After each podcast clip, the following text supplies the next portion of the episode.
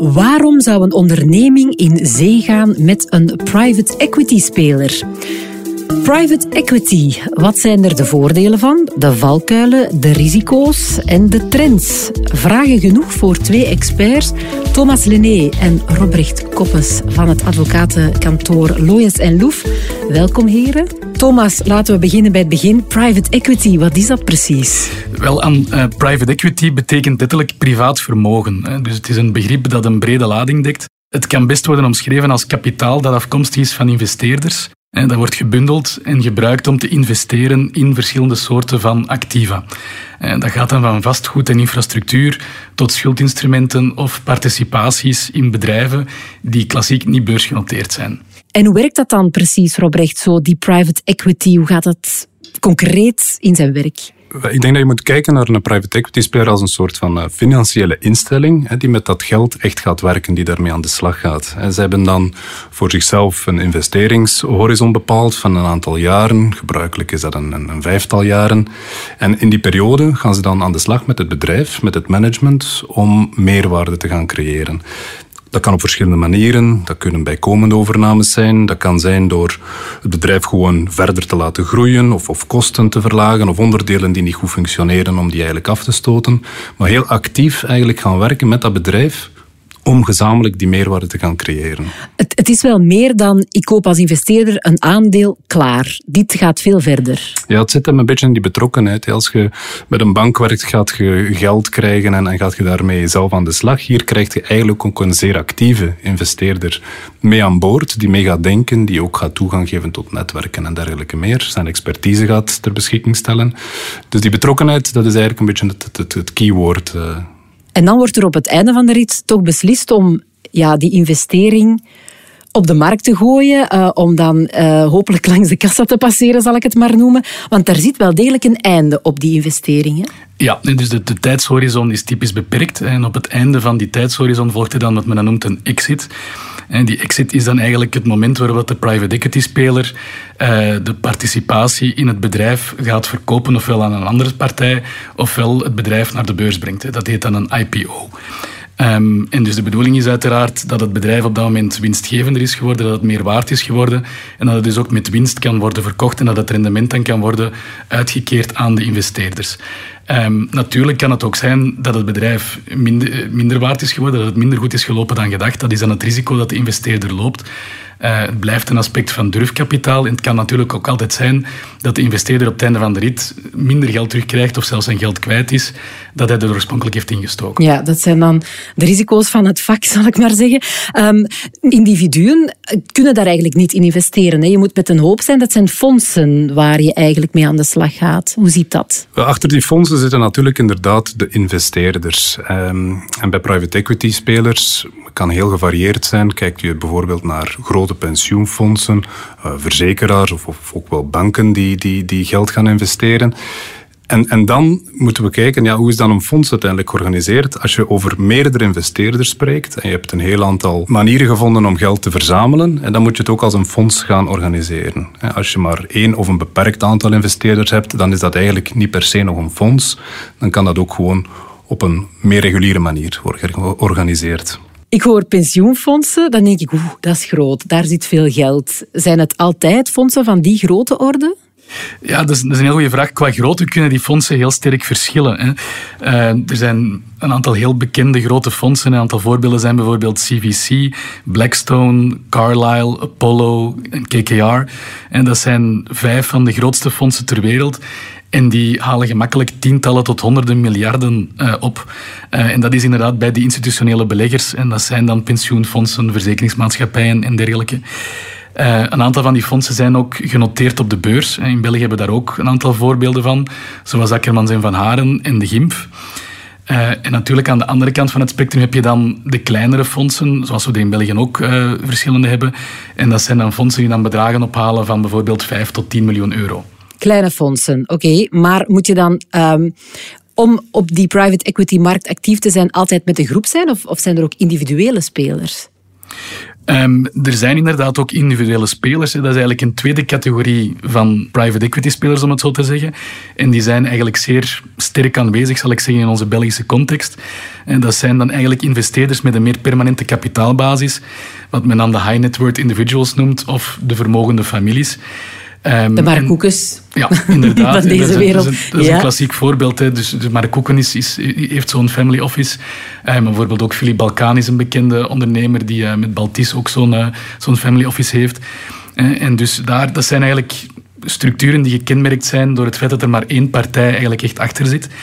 Um, die zijn wel qua werking en qua beslissingsproces vrij gelijklopend, of toch voor een groot stuk, met die van de klassieke fondsen. maar er zijn ook wel een aantal verschillen. Is het een typisch Belgisch fenomeen trouwens, die family offices? Well, je ziet dat toch wel vrij vaak in België. Dat is inderdaad misschien iets dat ons wat kenmerkt uh, in die markt. Je hebt zo'n paar goede voorbeelden. U zei het zelf, rond Mar Mark Koek heeft die Al Aliglo en, en Baltis van, van Philippe Balkaan.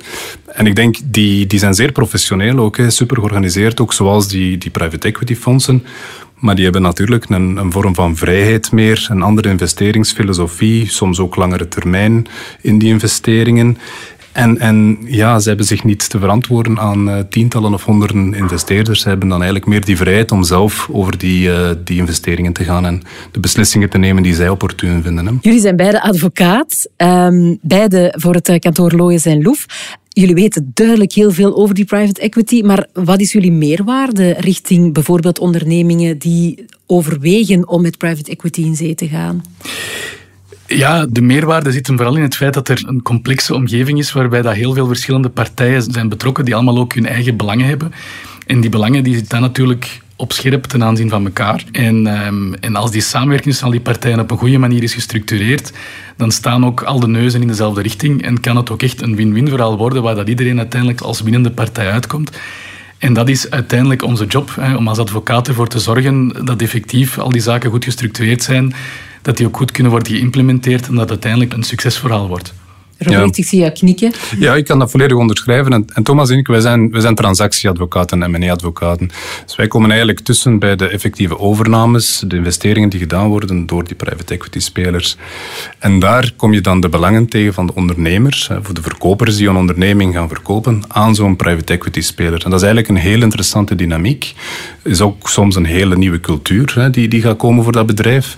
En ook op die zaken moeten wij letten, hè, om die culturen met elkaar een beetje te verenigen. En, en om, om, om erop te letten dat de belangen van de investeerder, de private equity, en de belangen natuurlijk van die verkopers, dat die gebalanceerd worden. Ja, jullie werken voor beide partijen in feite. Het hangt er een beetje vanaf. Wij werken heel vaak voor private equity, maar wij werken natuurlijk ook soms voor, voor de verkopers of voor de private equity die exit. Die moeten op een gegeven moment ook het bedrijf verkopen. Dat kan ook aan een private equity kantoor zijn, maar dat kan ook aan een ander soort van investeerder zijn. Hmm. En ik kan er misschien aan toevoegen dat ondanks het feit dat wij voor private equity werken, zijn de belangen van de andere partijen vaak uh, gealigneerd. Hè. Ja, Uiteindelijk ja heeft iedereen er baat bij dat het verhaal uh, goed loopt en dat het een goed einde komt. Dus, uh... Uiteraard, want uh, ja, als het niet goed loopt, dan wint, verliest ook iedereen. Hè. Um, heeft de sector last gehad van de pandemie? Um, er is zeker een, een scherpe daling, daling, geweest van de, van de dealactiviteit op het einde van de eerste kwartaal van, van 2020. Um, maar we hebben eigenlijk al vrij snel gezien dat zelfs de M&A-markt in het geheel zich eigenlijk sterk heeft, heeft herpakt al vanaf de tweede helft van 2020. En uh, we kunnen zelfs zeggen dat er uh, in de eerste helft van 2021 een, een, explosieve dealactiviteit geweest is. En hoe komt dat? Um, dat is, zoals in veel andere landen gaat men ervan uit, het is, het is een, een V-patroon eigenlijk dat zich toch aftekent in het herstel. En, en men gaat ervan uit dat dat gedreven is door de, de zekerheid die er is gecreëerd uh, ten gevolge van de vaccinatiecampagne. Maar ook de liquiditeit die toch in de markt gebleven is. Uh, en ook de rentevoeten die nog steeds uh, laag zijn, hè, waardoor het geld goedkoop is. En verwacht je, Robrecht, dat dat gaat blijven duren? Het is altijd een beetje koffiedik kijken. Hè. Ik denk, um, er zijn altijd zaken die ook roet in thee kunnen strooien. Um, als er nieuwe varianten zouden opduiken, uh, gaan de stimuleringsmaatregelen die door de regering zijn genomen, wat voor effecten gaan die op lange termijn hebben, dat kunnen we niet weten. En over het algemeen, uh, onzekerheid is natuurlijk nooit bevorderlijk voor een investeringsklimaat. Dat kan op fiscaal vlak, politiek vlak, macro-economisch vlak zijn. Maar eigenlijk houdt die sector wel heel goed gestand en, en, merken wij dat er heel veel activiteit is gebleven. Ik denk dat we voor een deel zelfs een beetje verrast waren dat, dat het, zo dat goed, het zo goed bleef en, en al een hele tijd. Eh, en wij vermoeden dat dat ook zo zal blijven duren. Maar er zijn natuurlijk, we zijn ook advocaten en we zien ook wel wat, wat potentiële risico's. Er, er, kan, er kan natuurlijk uh, roet in het eten worden en dat is misschien ook jullie taak dan om mensen daarop te wijzen op, uh, op die risico's. En heeft de pandemie er ook voor gezorgd dat um, andere sectoren ja, meer private equity hebben aangetrokken? Of dat private equity zich meer heeft gericht op andere sectoren? Ja, ik denk dat we toch wel kunnen zeggen dat we, dat we gemerkt hebben dat een aantal sectoren die beter bestand zijn tegen de pandemie toch meer in aantrek zijn geweest de laatste tijd. Voorbeelden de technologie sector, online shops, life sciences. En, en, meer in het algemeen natuurlijk doen onze Belgische biotech- en technologiebedrijven het bijzonder goed. En zij trekken ook de internationale private equity spelers aan. En ze blijven ook hun weg vinden naar de Belgische markt. En uh, dat is toch een soort van bedrijven waar wij in België echt wel frontrunners hebben. En waar we ook echt trots op mogen zijn. Ja. Kan je daar zo eens een voorbeeld geven van zo'n geslaagde private equity transactie? Absoluut. Ik denk in die, in die techsector hebben we echt een paar uh, frontrunners. Hè. Als je kijkt bijvoorbeeld, uh, om een paar namen te noemen waar dat wij ook als kantoor denk ik een rol hebben gespeeld. Uh, Odoo, Colibra, dat zijn eigenlijk unicorns geworden. Dat zijn bedrijven die meer dan een miljard waard zijn, soms zelfs een pak meer. En die, die op internationale schaal ook gaan ja, concurreren met bedrijven zoals SAP of, of, of, Microsoft. Dus dat zijn eigenlijk wel serieuze succesverhalen waar dat we zeker als, als klein Belgeland, uh, waar we heel trots op mogen zijn. absoluut. Ja, ja. Um, behalve dan dat die sectoren het goed hebben gedaan onder invloed van die pandemie, zijn er zo nog trends. Um, ja, wereldwijd misschien zelfs in de private equity wereld? Ja, we zien toch in het algemeen dat, dat private equity spelers hun portefeuille verder proberen te diversifiëren en op zoek gaan naar, naar opportuniteiten die buiten hun gebruikelijke kernsectoren vallen. Hè. Um, we zien bijvoorbeeld ook dat heel grote fondsen in België komen zoeken naar investeringen die normaal gezien ver uh, onder hun normale grootte liggen. Um, we zijn aantrekkelijk in België. Fijn om te horen. Ja, absoluut. Ik denk, we zien dat ook aan de prijzen die betaald worden voor bedrijven. De waarderingen die tegenwoordig op bedrijven geplakt worden, die gaan echt uh, door het dak. En, en dat wijst erop dat het een enorm concurrentiële omgeving is. En mensen willen de, of private equity spelers willen de juiste investeringen doen, eh, ook aan de juiste prijs. En dan zijn al die technologiebedrijven enorm populair. En daar zien wij echt recordhoogtes uh, van waarderingen. Ja, en, en wat ook positief is, is dat je, ja, normaal gezien zou je toch verwachten bij zo'n pandemie dat er meer distressed deals zouden zijn. En dat zijn dan transacties die plaatsvinden omwille van bedrijven die het dan niet goed hebben gedaan, die dan worden overgenomen. Eh, maar eigenlijk tot nu toe hebben we daar een, een, maar een heel beperkt aantal van gezien, eh, waar dat private equity bij betrokken was. Hè. Dus uh, waarschijnlijk kan dat ook worden verklaard voor een stuk door de overheidsmaatregelen die er zijn genomen naar aanleiding van de pandemie. En is het nog een beetje koffiedik kijken wat er zal gebeuren als die maatregelen op een gegeven moment uh, worden stopgezet. Um, maar voorlopig hebben we eigenlijk weinig uh, activiteit gezien uh, op dat niveau. Ja, gelukkig. Nu, allemaal goed en wel, maar uh, even tot de kern van de zaak komen. Het was ook de kernvraag van dit gesprek. Waarom zou een onderneming in zee gaan met een private equity speler? Wat is de meerwaarde? Thomas? Wel, de private equity sector heeft soms, en volledig onterecht, een, een negatieve reputatie bij het grote publiek. Er zijn namelijk veel goede redenen om als bedrijf of als verkoper van een bedrijf in zee te gaan met een private equity investeerder. En de statistieken tonen ook aan dat dat veel waarde kan creëren. Het is niet alleen waarde voor de investeerders, maar ook, laat ons duidelijk zijn, voor alle andere stakeholders ook. Mhm. Een aantal van die voordelen zijn toegang tot liquiditeit. De private equity speler uiteraard brengt extra middelen in de onderneming. En dat kan dan worden gebruikt om overnames te doen, om te gaan investeren in nieuwe markten, in nieuwe producten. Eh, dat kan worden gebruikt voor onderzoek, voor ontwikkeling, voor schaalvergroting en zo verder. Dat is nieuwe, nieuwe middelen in het bedrijf. Private equity geeft ook toegang tot een netwerk. Het zijn niet alleen financiële middelen, maar met het fonds komt ook de kennis, de ervaring en het netwerk van het fonds uh, mee aan boord. En dat is natuurlijk ook iets waar de onderneming mee van uh, kan profiteren. profiteren ja. Um, een, ander voordeel is dat private equity vaak ook een impact kan hebben op de interne besluitvorming in een bedrijf. En we zien bijvoorbeeld soms in familiebedrijven dat de besluitvorming binnen een bedrijf uh, misschien niet altijd volledig in het belang van het bedrijf zelf wordt genomen, maar dat er ook andere belangen spelen, familiale relaties, uh, bepaalde verhoudingen die er zijn. En als dan zo'n professionele private equity speler mee aan boord kan, kan die ook wel helpen om, het, om de besluitvorming te gaan optimaliseren en te gaan professionaliseren. Ja, professionaliseren inderdaad. Ik zie, Robrecht, dat jij er nog dingen aan wil toevoegen. Nog voordelen? Wel, dat element van professionaliseren er zijn ook fondsen die bijvoorbeeld gespecialiseerd zijn in onderneming in moeilijkheden die, die door omstandigheden in een moeilijk vaarwater zijn gekomen. En door het aan boord brengen van zo'n professionele speler, er eigenlijk weer in slagen om levensvatbaar te worden en op die manier ja, jobbehoud en, en, en opnieuw weer groei kunnen gaan creëren. Dus dat zien we ook wel. Um, misschien een beetje in onze, in onze Belgische context redeneren. Er zijn, er zijn heel veel KMO's, familiebedrijven, die met opvolgingsproblemen kampen. Die niet goed weten van wat gaat er met het familiebedrijf in de toekomst gebeuren als, uh, als er geen opvolging is voorzien, bijvoorbeeld binnen die familie. Mm -hmm. Dan kan er gekeken worden naar de private equity wereld uh, om te kijken of dat er een partij is uh, die, die de zorg eigenlijk over het bedrijf wil en kan overnemen en zo de toekomst ook kan uh, garanderen. Kan garanderen. Ja. Nu, ik hoor allemaal uh, voordelen, allemaal goed en wel, geweldig, maar uh, ik kan mij niet inbeelden dat het daar stopt. Er moeten ook nadelen, gevaren, risico's aan verbonden zijn, toch? Ja, risico's is natuurlijk een beetje eigen hè, aan het aan ondernemen. ik denk als, als, als management of als verkoper van een bedrijf moet je denk ik gewoon bewust zijn van het verhaal waar je instapt en u vooral ook goed informeren op voorhand. En, en heel veel gesprekken aanknopen en, en zien ook dat die, die, die chemie en de fit daar is met die, die private equity speler.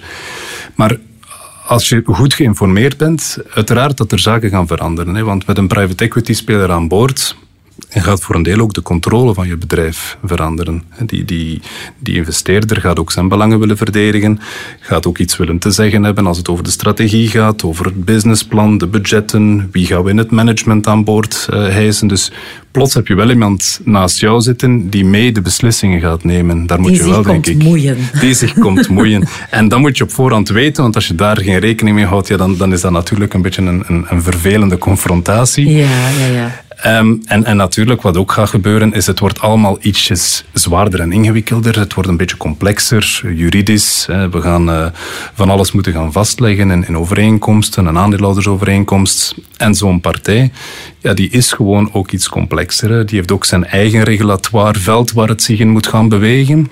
En, uh, en die worden er ook op gecontroleerd. Dus, mm -hmm. dus het is ook wel, uh, met zo'n partij aan boord te halen, ga je ook wel een beetje meer van die uh, complexiteit aan boord. Maar mm -hmm. dat mhm. is ook niet onoverkomelijk, denk ik.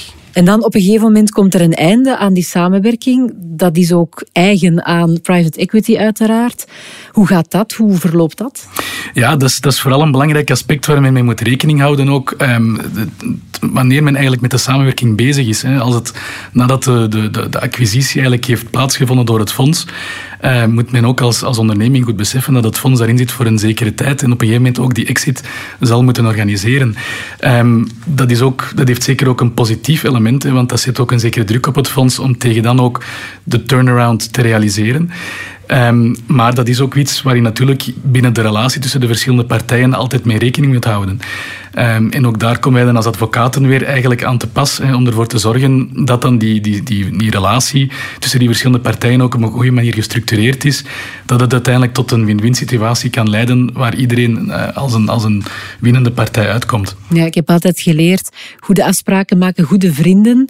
En ik heb de indruk dat jullie uh, dat ook wel voor ogen hebben dan als advocaat, om die zaken allemaal duidelijk te stellen voor alle partijen, zodanig dat op het einde van de rit daar iedereen goed uitkomt. Ja, dat klopt. We werken natuurlijk voor, vaak voor één specifieke partij, dus, dus vaak bijvoorbeeld voor het private equity fonds.